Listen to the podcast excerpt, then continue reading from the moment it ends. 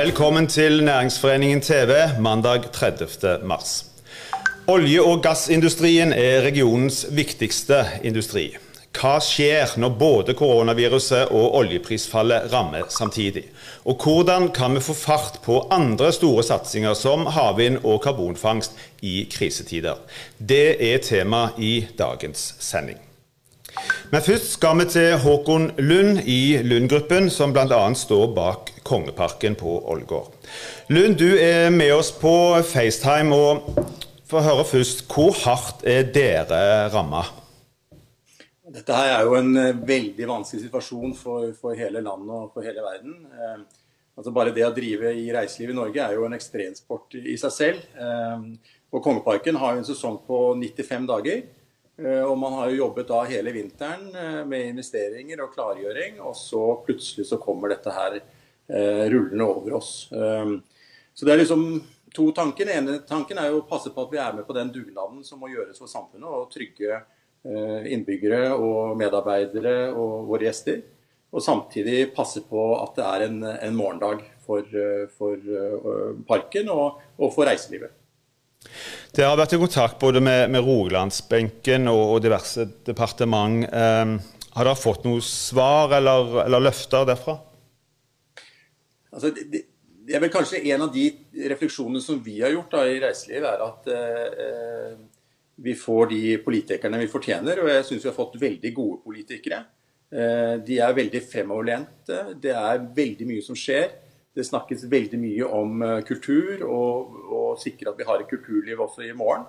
Eh, når jeg sendte ut min mail til Rogalandsbenken, så fikk jeg svar fra de fleste i løpet av et par minutter om at dette her var noe de jobbet med.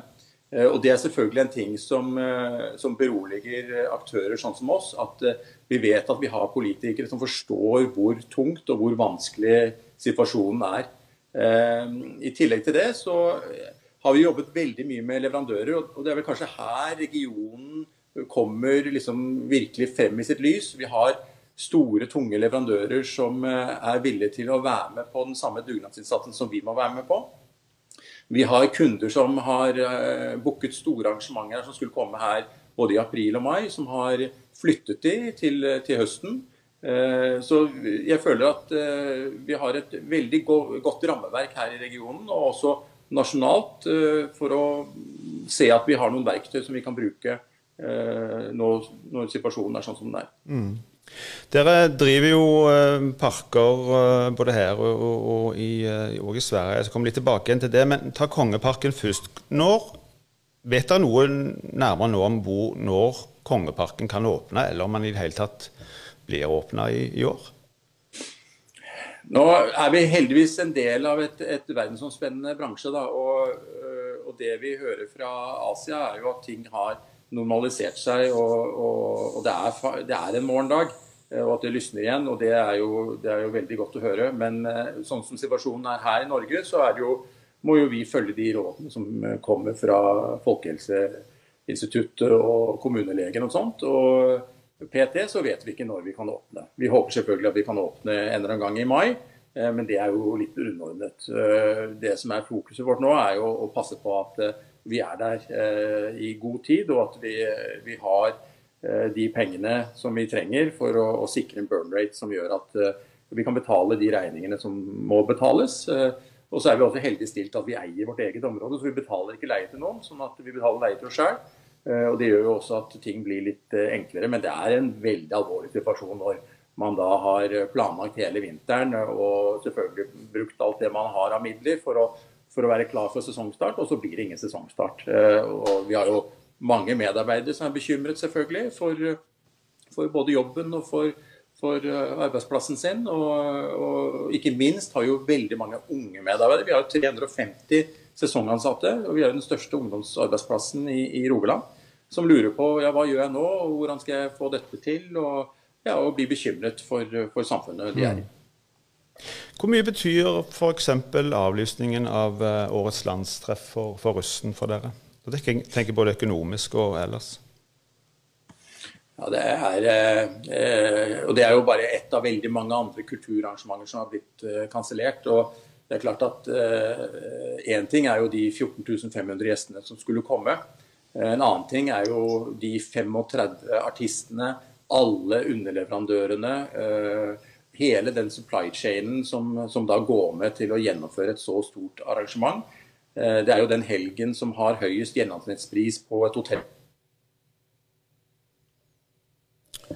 Bussruten i Norge i løpet av den helgen.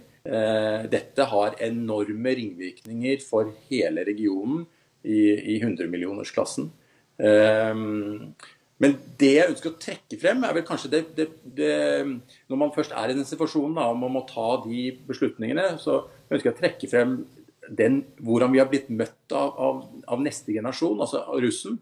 Eh, hvordan de har forståelsen for at, eh, at selvfølgelig blir dette kansellert, og de har forståelsen for at de ikke får tatt eksamen. Altså, altså Den dugnadsforståelsen, den, den, den, forståelsen av alvoret i situasjonen hos den unge oppvoksende generasjon, det syns jeg har vært utrolig rørende og, og positivt. Vi har fått tusenvis av meldinger som, eh, som støtter oss, og som støtter Kultur-Norge. Eh, og så har vi hatt en veldig god dialog med de offentlige myndighetene og Gjesta kommune ikke minst, og, og, kommunelegen, som har gjort at vi har klart å, å, å kommunisere på en god måte. Eh, og kommunikasjon her er jo nøkkel, både intern kommunikasjon og ekstern kommunikasjon. og det, det har vi fått muligheten til gjennom det, det samarbeidet vi har. Mm. Og så er jo dere i en situasjon hvor dere, dere driver jo både park, der driver parker både i, i, Norge og i Sverige. Vi vet det er en del forskjeller her eh, for tiden på, på Norge og Sverige. Hvordan, hvordan eh, merker dere det? Nei, Det merkes så dramatisk at eh, på lørdag så åpner parken vår i Sverige. Og på lørdag så er parken vår i Norge stengt. Sånn at det er to helt forskjellige strategier som har blitt, blitt valgt. Eh, og hva som er riktig og ikke riktig, det vet vi jo ikke før vi er, vi er ferdig med dette her. Eh, men vi følger uansett eh, lojalt opp rundt, rundt de tiltakene som, som, som da er, er, besluttet. Og det, det er jo altså, Dette skulle være vårt 125 år start på sesongen for, for Lund Stivoli, som vi har drevet da siden 1895. Og Jeg har sett litt i historiebøkene, og jeg kan ikke se noen annen gang vi har måttet kansellere starten på sesongen sånn som vi har uh, måttet uh, nå. Uh, det er jo hundrevis av medarbeidere mm. som er, er, involvert her. sånn at det, det, er, det, er, dramatisk. Men i et større perspektiv så er det jo samfunnet som kommer nummer én her. Da, sånn at vi må alle sammen være med på den dugnaden. Nå hører vi jo om andre bedrifter, spesielt kanskje innenfor reiselivsnæringen, som, som, har store økonomiske problemer, og mange varsler og undersøkelser at de står i fare for å gå konkurs. Hvordan, hvordan er det hos dere, for å spørre deg direkte, dersom dette skulle bli veldig langvarig, er det en fare for at Kongeparken kan gå konkurs? Ja, det er absolutt en, en, en, fare for det. Og det gjelder jo hele reiselivet, gjelder hele kulturlivet, det gjelder alle restaurantene våre. Det gjelder jo, det gjelder jo alt. Så, så her altså, Er vi alle sammen med på en dugnad og gjør vårt, så tror jeg vi skal komme gjennom dette her alle sammen. Men eh, det er klart at eh, hvis det er noen som skal prøve å sko seg eller andre ting, så, så blir det veldig vanskelig. Mm. Eh, uh, og det som er kanskje det vi ser, da, som er litt sånn akilleshælen her, eller, eller bottlenecken her, det er jo at det kommer pakker på en snor. Men vi har ikke administrasjon eller, eller et byråkrati rundt det som klarer å operasjonalisere det. Så f.eks. den pakken som kom med de 300 millionene til kulturlivet, det er jo fortsatt helt i det blå hvordan man kan søke og ikke søke, og hvem som egentlig kan søke og sånt. Eh, sånn at det tar tid at det skal komme igjennom. Eh, og da er jo spørsmålet er det der eh, når det faktisk er klart. Og Det er jo det som vi jobber veldig mye med i bransjen nå. Å prøve å hjelpe administrasjonen å få det operasjonalisert og få det ut i, i markedet. Helt kort til slutt, eh, Håkon. Hvilke tiltak etterlyser dere for, for deres næring spesielt? Ja, altså det vi har eh, adressert da, fra, fra, parkene i Norge, så er det jo dette med oppstartssikring. Det er klart at uh, alle parker i Norge og også alle andre sesongbedrifter sitter jo ikke med noe penger på konto når man skal starte for sesongen. Og når den starten ikke uh, kommer i gang, så, så, trenger man en oppstartssikring. og skulle vise seg at sommersesongen ikke blir gjennomført, ja, ja da, da finnes det heller ingen inntekter, og, og da trenger man økonomisk nødhjelp. I tillegg til det så, så har vi sagt at 100% lønnsdekking ved permittering det bør være en ting som man absolutt gjør nå. Og så er det det siste som vil være utrolig viktig for hele supply chainen i Kultur-Norge, og det er at man ikke har refusjon. Det er flere land nå som har gjennomført at Eh, man har lagt ned en lov som sier at eh, alle kulturarrangement som blir kansellert, der refunderer man ikke, men man får en tilgodelapp. Og Det vil sikre at kulturlev og leverandørkjeden ikke går konkurs og forsvinner i mange år fremover. Håkon Lund, tusen takk for at du eh, var med oss, og lykke til. Eh, over til et litt annet tema. Analytikere spår allerede nå oljepris ned på titallet. I en undersøkelse foretatt av Næringsforeningen så frykter oljenæringen konsekvensene av oljeprisen mer enn korona. Kristin Krakseth, velkommen til oss. Du er òg med oss på, på, FaceTime. Du er sjef for Vår Energi, Norges nest største oljeselskap. Hvordan går det hos dere? Ja, hvordan går det hos oss? Nei, det går, eh, I dag går det bra. Eh, det går sikkert bra i morgen også. Vi eh, vi, det har jo vært en uh, hverdag akkurat som Håkon, Håkon, sier, som uh, vel ingen av oss kunne hatt en, i vår villeste fantasi hadde klart å, å predikere. Så eh, nå går det i de siste ukene, da, så har det jo gått, gått på det å sikre driften vår offshore. sikre våre ansatte, få til gode løsninger der vi hindrer spredning av, av dette viruset. da. Så hovedfokus sånn, eh, med en gang var selvfølgelig på, eh, på, koronaviruset og hvordan vi kunne sammen med resten av landet eh, hindre at eh, vi bidro til å eh, smitte, og også til å opprettholde produksjonen vår i havet. For det er jo den vi lever av. Hvis du ser noen måneder fremover, hva er det du frykter mest? Og da tenker jeg på vegne av, av den næringen du representerer. Ja. Eh, det første vi frykter, er selvfølgelig at noen av våre skal bli syke. Eh, så, så, det er jo det samme uansett enn du sitter hjemme. Eh, men det neste er jo selvfølgelig aktivitetsnivået. Hva som vil skje som en følge av både korona og oljepris. Det vi opplever med koronavirus, er jo at hverdagen blir veldig mye vanskeligere. Vi har utstyr som skal fraktes, vi har folk som skal fraktes, vi har mange eksperter som sitter i utlandet som skal inn til Norge. Vi har 220 eh, offshorearbeidere, eller folk som jobber med offshorenæringen, som forflytter seg mye. Vi har mange folk som jobber ute i havet. Vi har folk som skal eh, flys til Hammerfest for å reises ut på Goliat. Eh, det har vært lokale bestemmelser som gjør at dette har skapt ytterligere utfordringer. Så sånn i, i, i, det nære, da er det liksom bare å få hjulet til å svirre eh, i en litt utfordrende situasjon. Og på lang sikt er det selvfølgelig at hvis oljeprisen fortsetter sånn som den er nå, så vil vi se et, eh, et dramatisk, eh, en dramatisk reduksjon i aktiviteter. Eh, allerede nå så, så, er hovedfokus på trygg, sikker produksjon i havet. Der vi vil sikkert ganske snart se at eh, det blir gjort større grep for å, å skru aktivitetsnivået ned. Mm. Flere har eh, allerede startet, og det, det, holder vi på med også. Hva kan det bety for antall arbeidsplasser eh, i distriktet på sikt, tror du? Nei, eh, noe tall kan ikke jeg gi, men, men, det er jo klart at hvis oljeprisene er under, godt under halvparten av det hele industrien har basert framtidsplanene sine på, så vil jo det føre til en bråstopp for eh, f.eks. nye prosjekter. Folk vil gjøre det de må gjøre, men de vil ikke investere i noe særlig nytt. Og i en region som vår, der veldig mange av oss er, jobber med olje og gass, eller vi eh, har en kongepark der vi som jobber i olje og gass går og har det kjekt i helgene.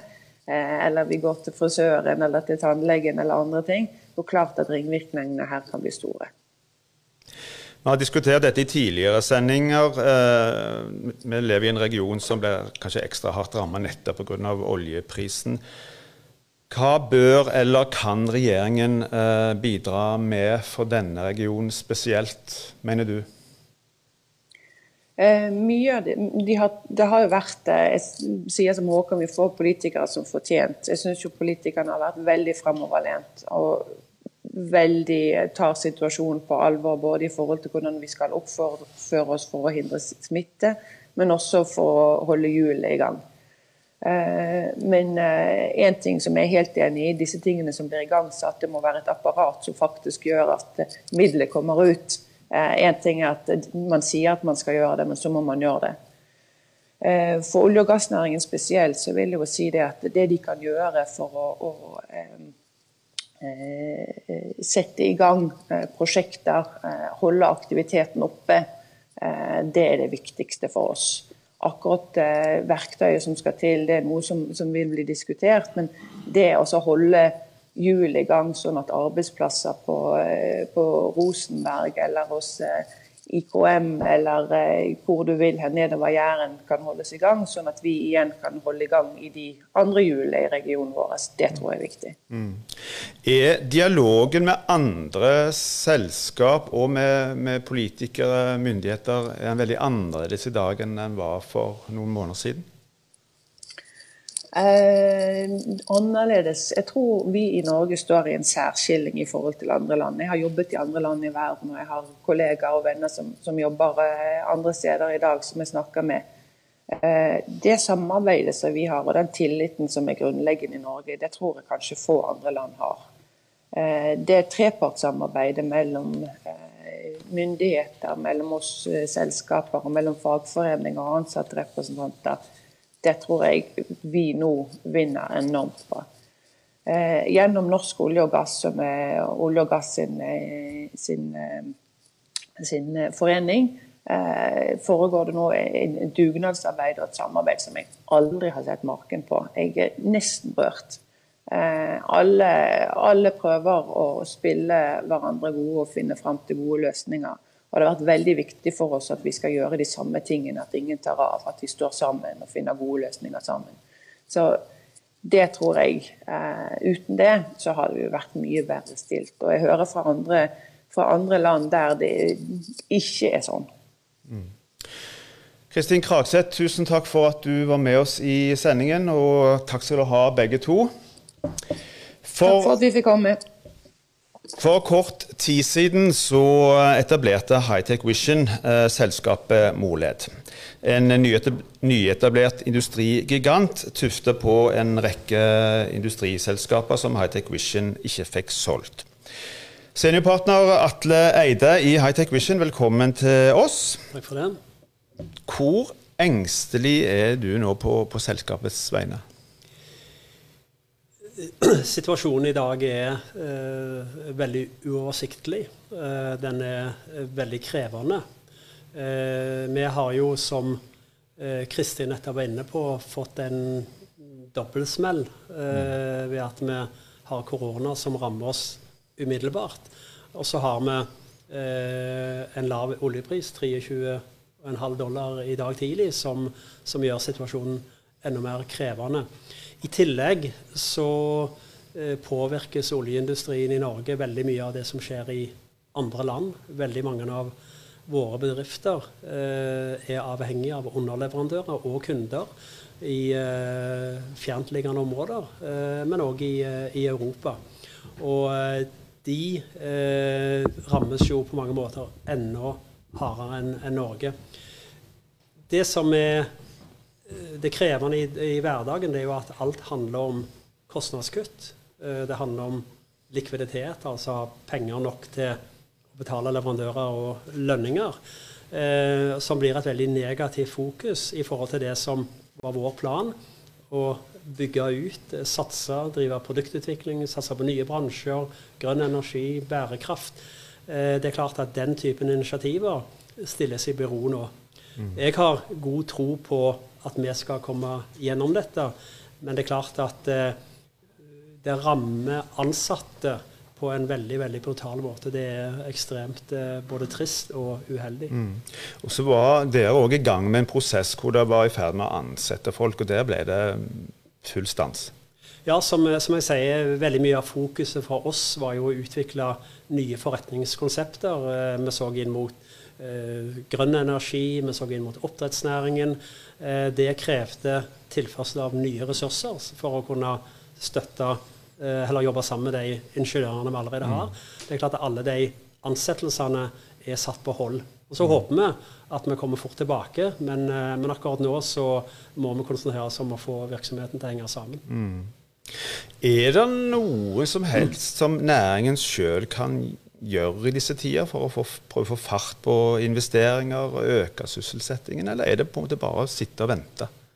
Nei, jeg tror det er viktig nå, som, som, som Kristin var inne på, at vi må se på hva kan vi gjøre for å opprettholde aktivitetsnivået. For nå er vi jo inne i en et veldig negativ spiral. Eh, alt det politikerne nå, på en veldig god måte for øvrig, fokuserer på, det er jo å tilføre nødhjelp til bedriftene. Eh, mens arbeidsledighetstallene øker. Vi har nivåer nå som vi nesten aldri har sett før. Uh, og det som vi må så fort som overhodet mulig og i løpet av de neste ukene, det er å si hvordan kan vi få folk i arbeid. Og for oljebransjen så handler det jo om å holde aktiviteten i Nordsjøen eh, oppe. Først må vi selvfølgelig legge bak oss korona, men så må vi kjøre i gang nye prosjekter. Og vi må ikke utsette sånn som oljeselskapene nå gjør. Og da er det en rekke virkemidler som staten nå kan bidra med. Mm. Klarer næringen dette, tror du, uten økonomisk hjelp fra, fra staten?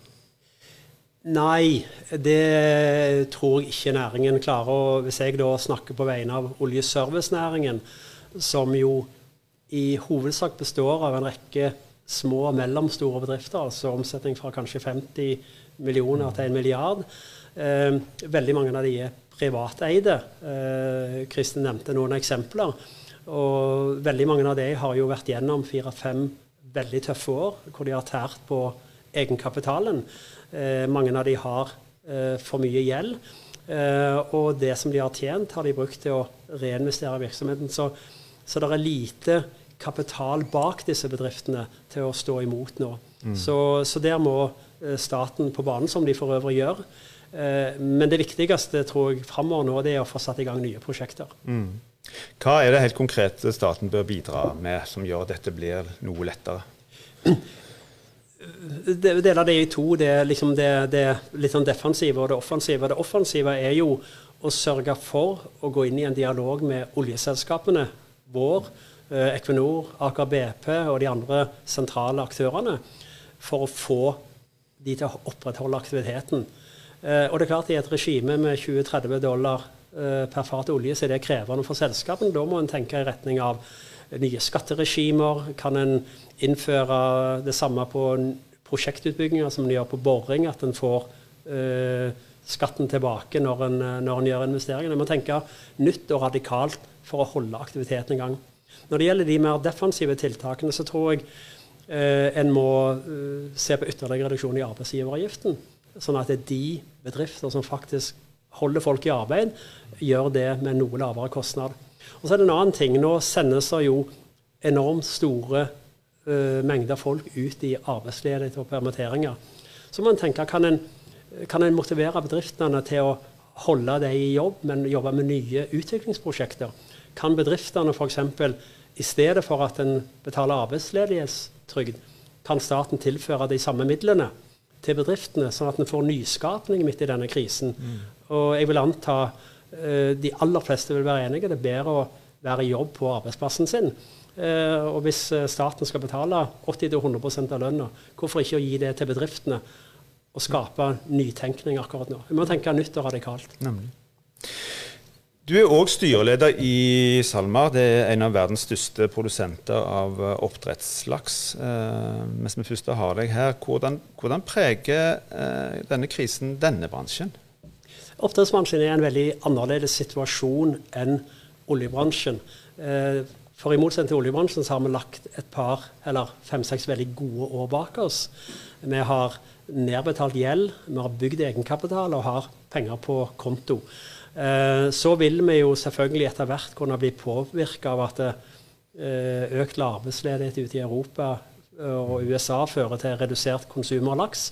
Men oppdrettsnæringen er mye mer i en mye bedre posisjon til å takle denne krisen.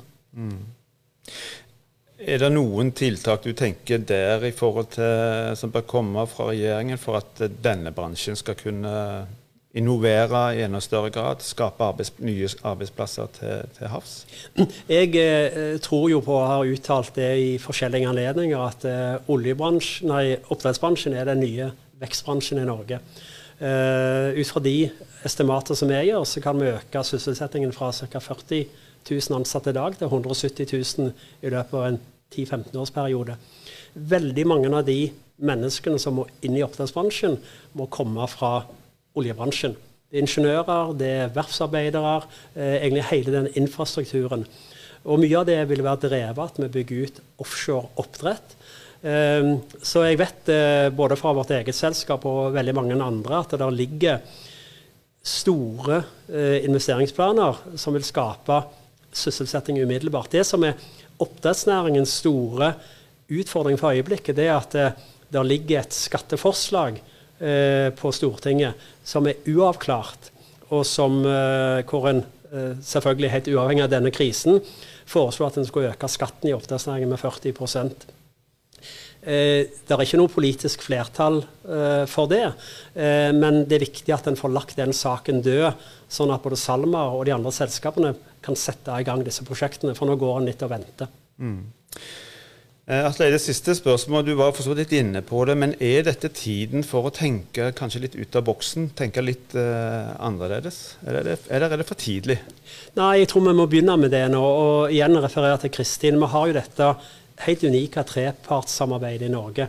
Hvor uh, myndigheter, uh, arbeidsgivere og ansatteorganisasjoner jobber veldig tett sammen. Det gir en helt fantastisk mulighet for nytenkning. Og Derfor så må vi nå så fort som mulig komme over til å ikke tenke bare defensive tiltak. Vi må legge til rette for økte investeringer. Vi må tørre å tenke offensivt. Vi må heller gi tilskudd til bedrifter for å beholde ansatte eh, med nyskapningsarbeid enn å betale arbeidsledighetstrygd. Så jeg tror Norge har en innovasjonskraft som nå kan komme til sin rett fullt ut. Og kanskje mer på Jæren enn noe annet sted i landet. Atle Eide, tusen takk for at du kom til oss, og lykke til. Takk for det.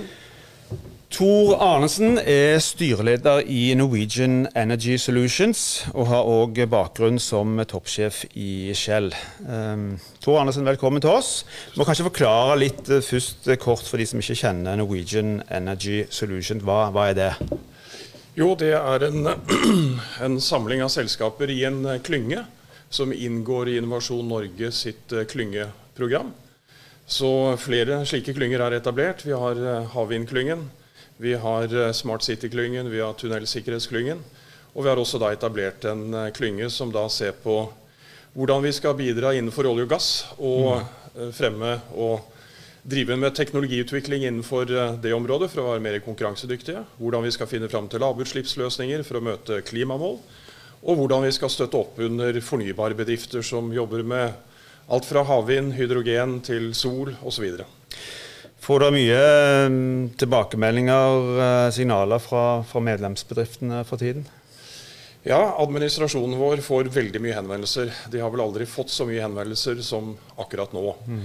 Fordi det er jo bekymringer ute og går. Det er behov for hjelp. Finne frem i virkemiddelapparatet. Eh, finne frem til andre selskaper som man kan samarbeide med for å finne eh, innovasjons- og teknologiløsninger.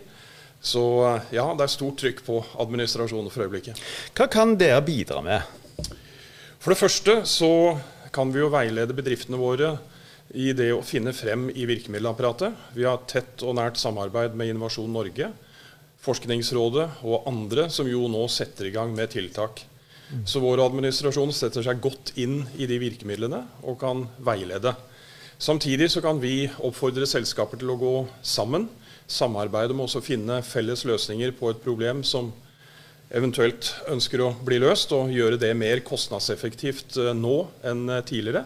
Slik at vi med den lave oljeprisen som vi har, fortsatt både kan ha konkurransemessig gode løsninger innenfor fornybar, men også selvfølgelig hjelpe olje- og gassbransjen med den utfordringen som de har fått med lav oljepris i tillegg. Mm. Er det noen spesielle fordeler med, med klynger i, i, en sånn, i, en tid preget av unntakstilstand? Så absolutt. Hele ideen med å ha en klynge er jo at eh, det skal være samarbeid. Og Hvis man setter sammen et team med forskjellig kompetanse, sånn som vi har muligheten for å kunne gjøre innenfor klyngen, så har vi jo mer å spille på når det gjelder eh, ressurser og bakgrunn og erfaring, som gjør at vi lettere da kan løse utfordringer. Lettere enn hva et enkeltselskap kan gjøre. Vi har i klyngen vår hele verdikjeden representert. Alt fra investorer, altså finansnæringen med SR-Bank, DNB, Nysnø og andre. Vi har gründere, vi har store engineeringselskaper, vi har de store operatørene. Vår Energi, Equinor og andre. Så vi har en veldig bredde. Og hvis vi klarer oss å sette sammen da forskjellige aktører i et klyngeprosjekt og få det finansiert, så vil det kunne gjøre ja, at vi kan komme frem med løsninger som ellers ikke ville kunne kommet frem med. Det er hele ideen bak en klynge. Mm. Og Så er du opptatt av, av, nye prosjekter. Men eh, er det noen spesielle prosjekter som en kanskje nå spesielt bør inn og se på, kanskje forskuttere, syns du? Ja, altså det har jo vært uh, snakket om her fra Atle Eide sin side at det å tilføre bedrifter midler for nettopp å kunne gjøre innovasjonsprosjekter er viktig. Det er klart det har vært mye fart på digitalisering eh, over lengre tid allerede. Kanskje det er enda mer vi kan gjøre innenfor det. Eh, kanskje det er ting vi kan gjøre innenfor CCS, altså dette med karbonhåndtering. Vi har en liten bedrift ute på Jæren som heter Agrie, som bruker biomasse til å produsere hydrogen og bruke den rene CO2-en faktisk til å mate eh, tomatplanter i drivhus. Altså komme opp med den type verdikjeder som gjør at vi kan gjøre bruk av biomasse, eh, gass til hydrogen, eh, altså nye løsninger. Og selvfølgelig prøve å få de så kostnadseffektive som mulig for å kunne konkurrere med eksisterende energibærere som olje og gass. Mm. Hvis en skal få til det, trenger en da ekstern uh, hjelp? Vi tenker både i forhold til støtte og, og, og midler. Ja. Og Her har regjeringen allerede tilført midler til Forskningsrådet. Tilført uh, dedikerte midler til Innovasjon Norge. Bl.a. for nå å kunne kjøre forprosjekter på denne typen teknologiutvikling. En av bedriftene våre eh, søkte på mandag i forrige uke om midler til et sånt eh, for, eh, forprosjekt på 500 000 kroner, for det er grensen. De fikk svar allerede på onsdag at de fikk midler til det forprosjektet. Og den, Denne typen rådgivning og denne typen hjelp er det jo vi i klyngen nå som prøver å gi medlemmene våre. og finne frem i dette virkemiddelapparatet for å få tilgang til disse midlene. Ja, merker du allerede nå at, uh, at, beslutningsprosessen går kjappere? Altså det er kortere tid fra en søknad til en avgjørelse kommer? Absolutt. Og jeg nevnte et eksempel tidligere med Agre, hvor uh, vi tidligere under en, en, annen kontekst enn den vi har nå, så at det tok veldig lang tid å få behandlet søknad i virkemiddelapparatet. Mm.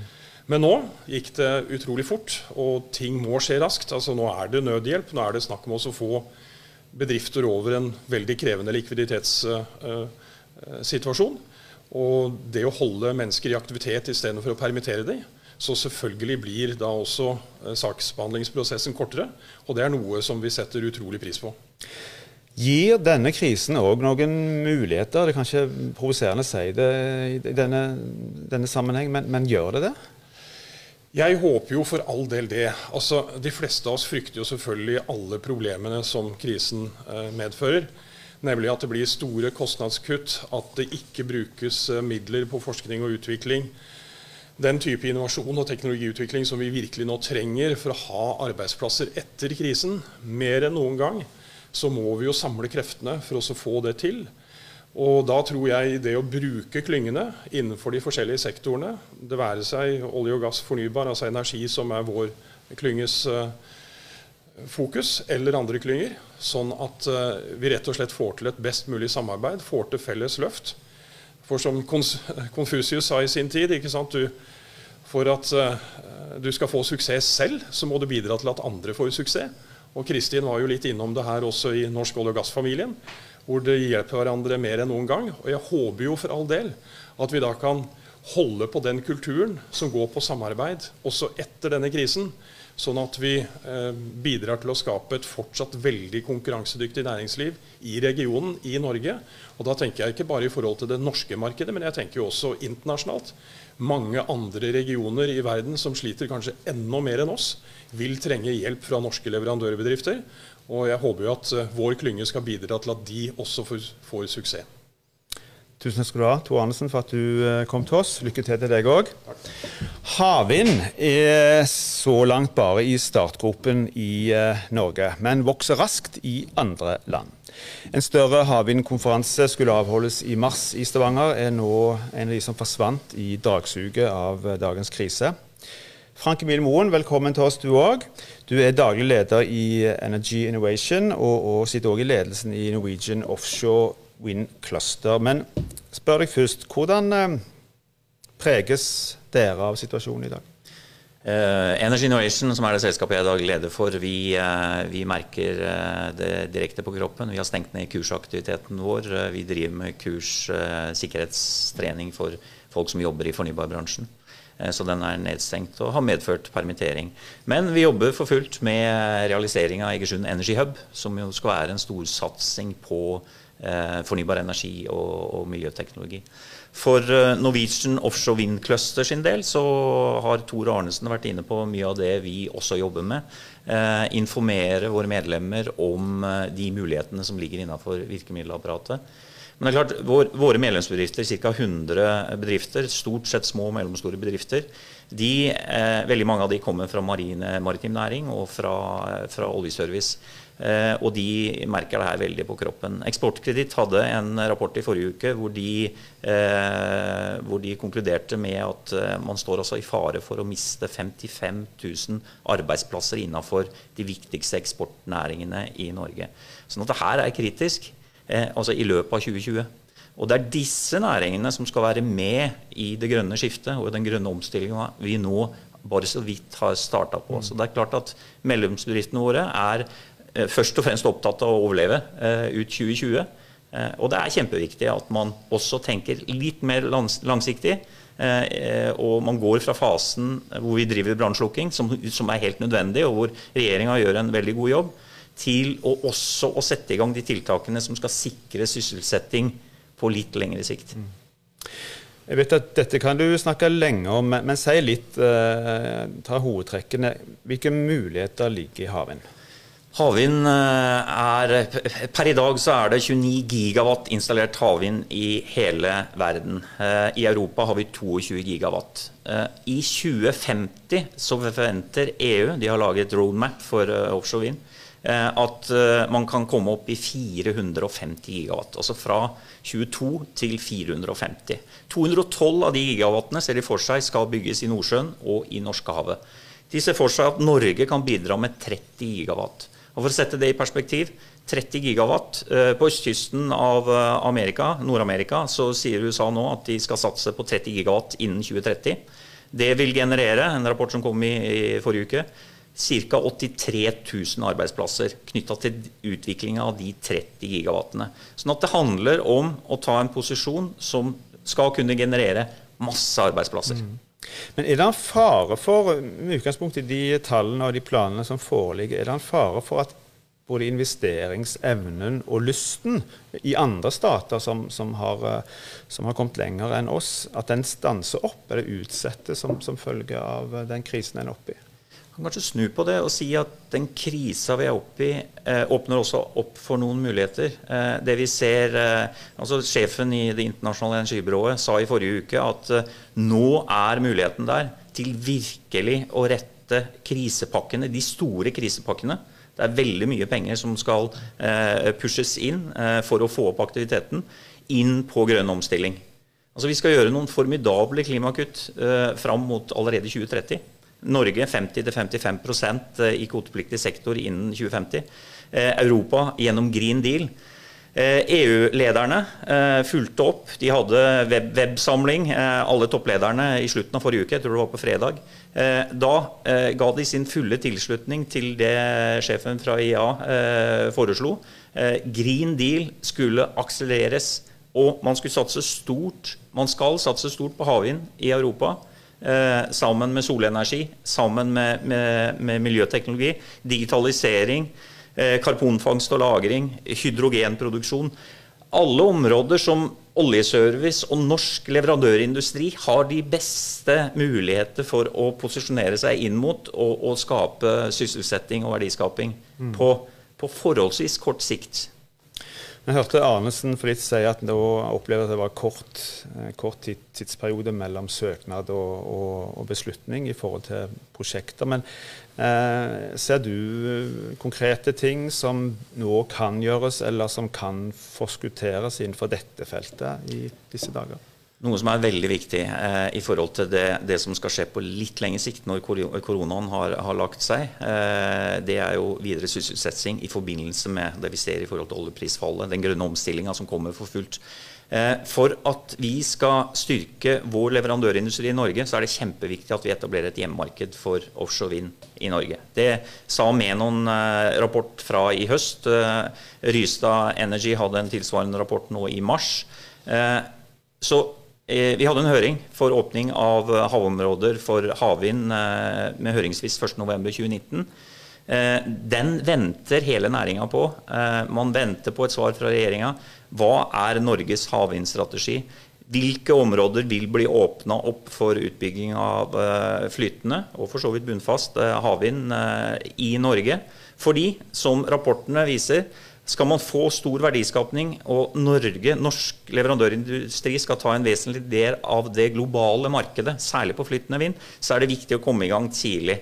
Så åpning av områder parallelt med å få en klarhet til hvilke rammebetingelser og støtteordninger som skal realisere den åpninga. Norge har verdensledende posisjon i forhold til flytende havvind per i dag gjennom den satsinga til Equinor bl.a. Eh, den posisjonen kan vi beholde, men det beholder vi bare hvis man evner å tilrettelegge for et hjemmemarked relativt raskt.